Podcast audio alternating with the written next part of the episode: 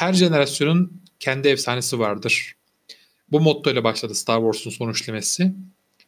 Ee, yani Force Awakens'la başlayan, Last Jedi'la bütün Star Wars evrenini ikiye bölen ve Rise of Skywalker'la sonlanan e, bu son üçleme sequel üçlemesi.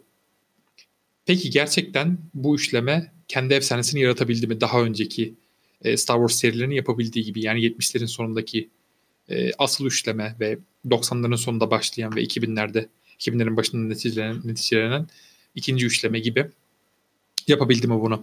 E, bu soruyu cevaplamak için belki 2012'ye gitmek lazım ilk önce. 2012'de ne oldu?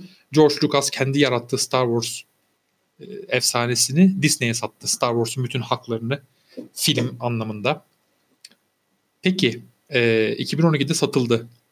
Disney bildiğiniz üzere daha ziyade çocuk filmleri yapan, çocuk ve ilk gençlik filmleri ve dizileri yapan bir şirket, e, bir film şirketi. Star Wars aldıktan sonra Star Wars'la ne yapacaklardı? Acaba Star Wars'un o heyecanını, o havasını devam ettirebilecekler miydi yoksa daha ziyade kendi işte şirket politikaları gereği kendi doğrultularına mı evireceklerdi Star Wars'u? Ne oldu? Bir üçleme yaptılar. Arada bazı spin-off filmleri yaptılar. En son Mandalorian isimli bugün bahsediyor olduğum diziyi yaptılar ve Mandalorian büyük bir başarı elde etti açıkçası. Mandalorian başarılı bir dizi. Mandalorian deyince çoğu insanın aklına Baby Yoda geliyor. Baby Yoda gerçekten interneti bir anda neredeyse bir gecede ele geçirdi. Her yerde Baby Yoda mimleri, Baby Yoda'nın ne kadar sevimli olduğu, e, Baby Yoda'nın Baby Groot'la kıyaslaması gibi şeyler internette hala görebilirsiniz. İnternete giren bir insansanız görmemeniz mümkün değil. Her yerde Baby Yoda var. Ama Mandalorian bundan daha fazlası tabii ki. Baby Yoda'dan daha fazlası. Bunu söylemek e, çok da haksızlık olmayacaktı diye düşünüyorum Baby Yoda'ya. Çünkü dizinin kendisi gerçekten başarılı. Mandalorian aslında her şeyden önce kişisel bir hikaye. Pedro Pascal yani başrolünüsü Mandalorian'ı, Mandalorian karakterini dizideki bir loner olarak tanımlıyor. Yani bir yalnız kurt diyebiliriz.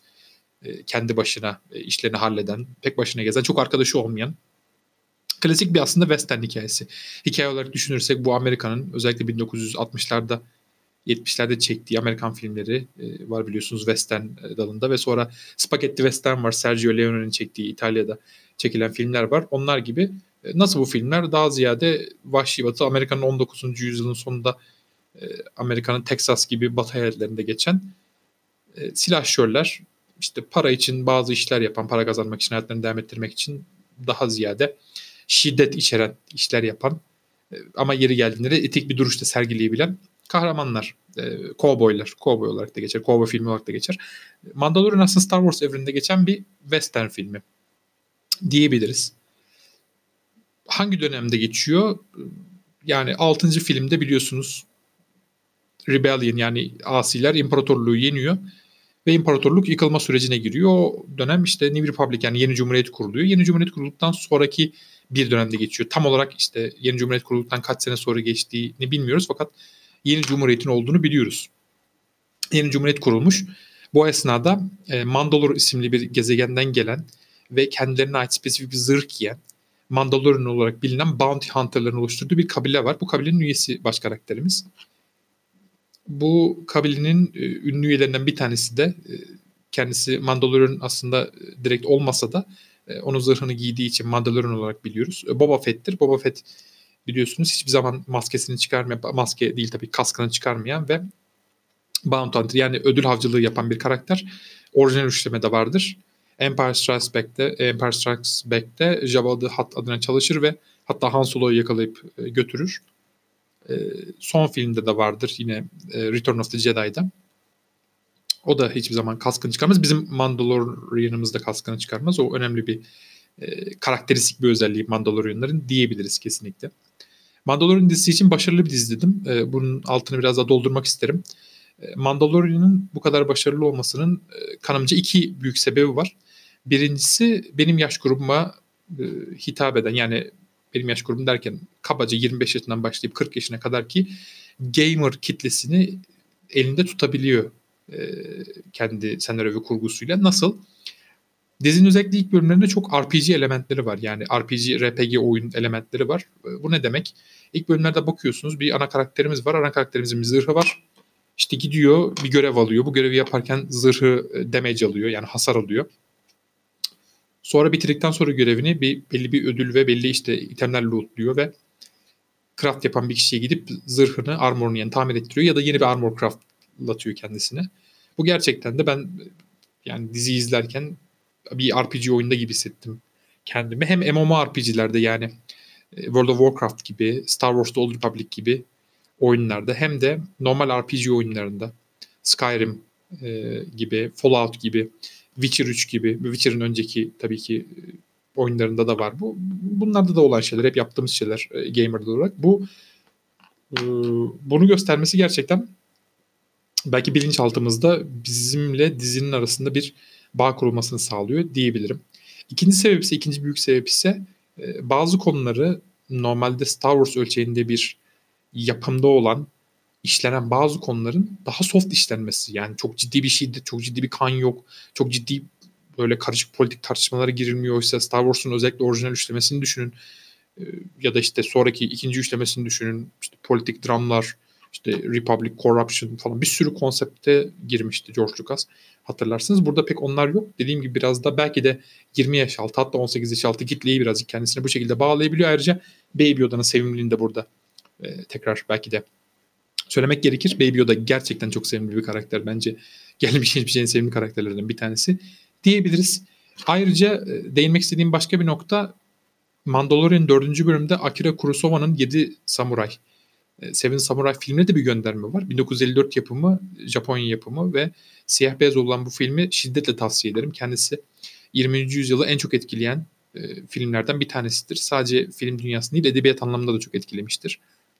E, bu hikayeyi çok fazla kendisinden sonra gelen e, sanat ürünü kullanmıştır. Hikaye nasıl? Hikaye şöyle.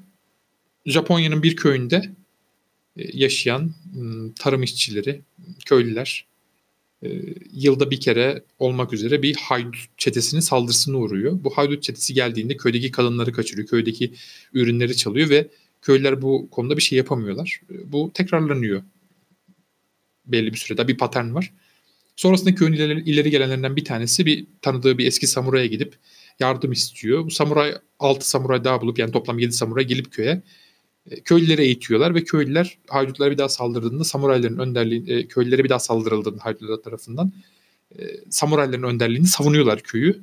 Böyle güzel bir hikaye var. Bu dediğim gibi birçok e, üründe kullanılmıştır ve e, Mandalorian 4. bölümünde de böyle bir konsept var. Ben bunun klişe olduğunu bilsem de bunu izlemekten hoşlanıyorum. İzlemek hoşuma gidiyor gerçekten. Onun dışında başka bir belki de e, bahsetmem gereken nokta Moff Gideon karakteri son iki bölümde girdi.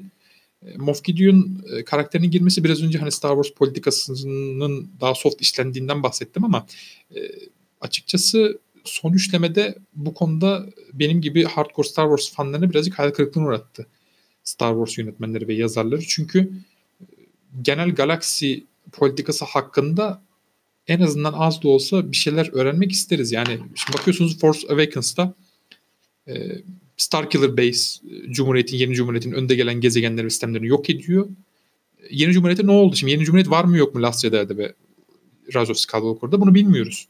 Senatörlerin hepsi öldü mü yoksa imparatorluk yıkılırkenki olduğu gibi senatörler e, bulundukları gezegenlerde kendi bağımsızlıklarını ya da özelliklerini mi ilan etti? Bunları falan bilmiyoruz. Çok fazla politikaya girmiyor. Sadece of Skywalker'da işte Palpatine'in yaşadığını ve imparatorluğun tekrar kurulmak amacında olduğunu biliyoruz ama bunlar da Resistance'a karşı savaşıyorlar. Yani Resistance bunlara karşı çıkıyor. Yani Republic ne durumda var mı yok mu?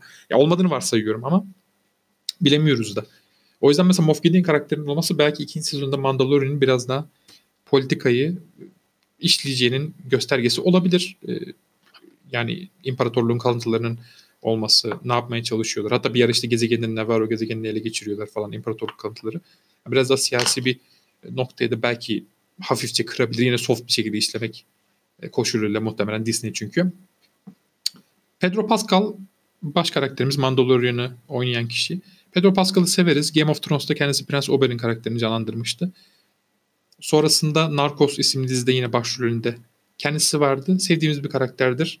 Yalnız kendisinin yüzü sadece bir kere gözüküyor. Ee, daha önce de bahsettiğim üzere Mandalor e, gezegeninden gelen e, ödül avcıları, bounty hunter'lar zırhlarını, kasklarını hiçbir zaman çıkartmazlar. Yani son bölümde bir kere gözüküyor. O da büyük ihtimal fan service olarak yapılmış. Yani Pedro Pascal'ın oynadığını görelim diye. Kendisinin sesini duymak bile güzel. Karizmatik bir sesi var. Onun dışında biraz önce bahsettiğim Moff Gideon karakterini oynayan kişi de Giancarlo e, Esposito. Kendisi Breaking Bad'de e, Gus Fring'i oynuyor. Açıkçası ondan beri görmemiştim kendisini. Bir anda ekranda görünce sevindim. İşte 2012-13'ten beri falan görmüyordum kendisini. Gus Fring. E, yine Breaking Bad iyi bir dizidir biliyorsunuz. Sonuç olarak Mandalorian iyi bir dizi. Yeni bir doğrultu var. E, Jedi'lerin olmadığı, Force kullanımının çok daha az olduğu, sadece Baby Yoda işte bir iki yerde Force kullanıyor. E, daha soft olarak işlendiği konseptlerin ama e, hikayenin gerçekten son derece immersive olduğu, insanın içine çektiği bir doğrultu. Aynı zamanda da ben bu dizide şey havası yakaladım. E, Star Wars'un orijinal filminde yani A New Hope, Yeni Bir Umut filminde. Filmin sonunda Luke Skywalker uzaklara bakar ve siz geziyeni merak edersiniz. Acaba hangi maceralar var? Daha neler olacak? Hani Luke neler başaracak? Gibi bir merak duygusu uyandırır ya sizde. Star Wars izlediyseniz bilirsiniz. O duyguyu bende uyandırdı açıkçası. Merakla bekliyorum. İkinci sezon hakkında umutluyum. Bu şekilde bölümün sonu.